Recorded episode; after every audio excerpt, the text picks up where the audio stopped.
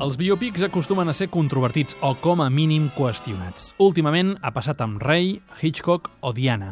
Ara aquesta llista s'amplia amb Grace de Mònaco, la història d'una dona que ho deixa tot per ser princesa. De fet, la pel·lícula es promociona com un conte de fades real. I can be a mother and a wife and hold down two jobs without the people getting too upset, can't I? But what about the prince? What about the prince? The Nicole prince- Kidman és qui encarna Grace Kelly en aquesta pel·lícula ambientada sis anys després que l'actriu s'hagués casat amb el príncep Rainier, moment en què apareix Hitchcock per proposar-li a Kelly tornar a Hollywood per protagonitzar Marnie la lladra. I've already given our allegiance. Whole of Monaco. That's not negotiation, that's extortion.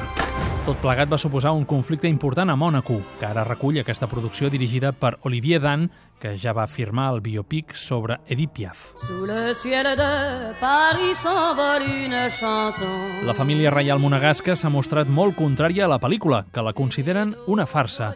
Fins i tot van fer un comunicat on explicaven que es tracta d'una producció basada en referències històriques errònies amb finalitats comercials. Everything I do or say is wrong.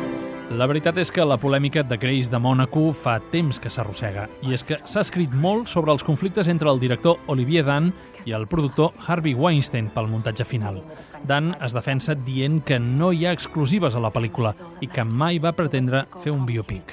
Al cineasta francès li interessava parlar del pes de la història sobre les persones.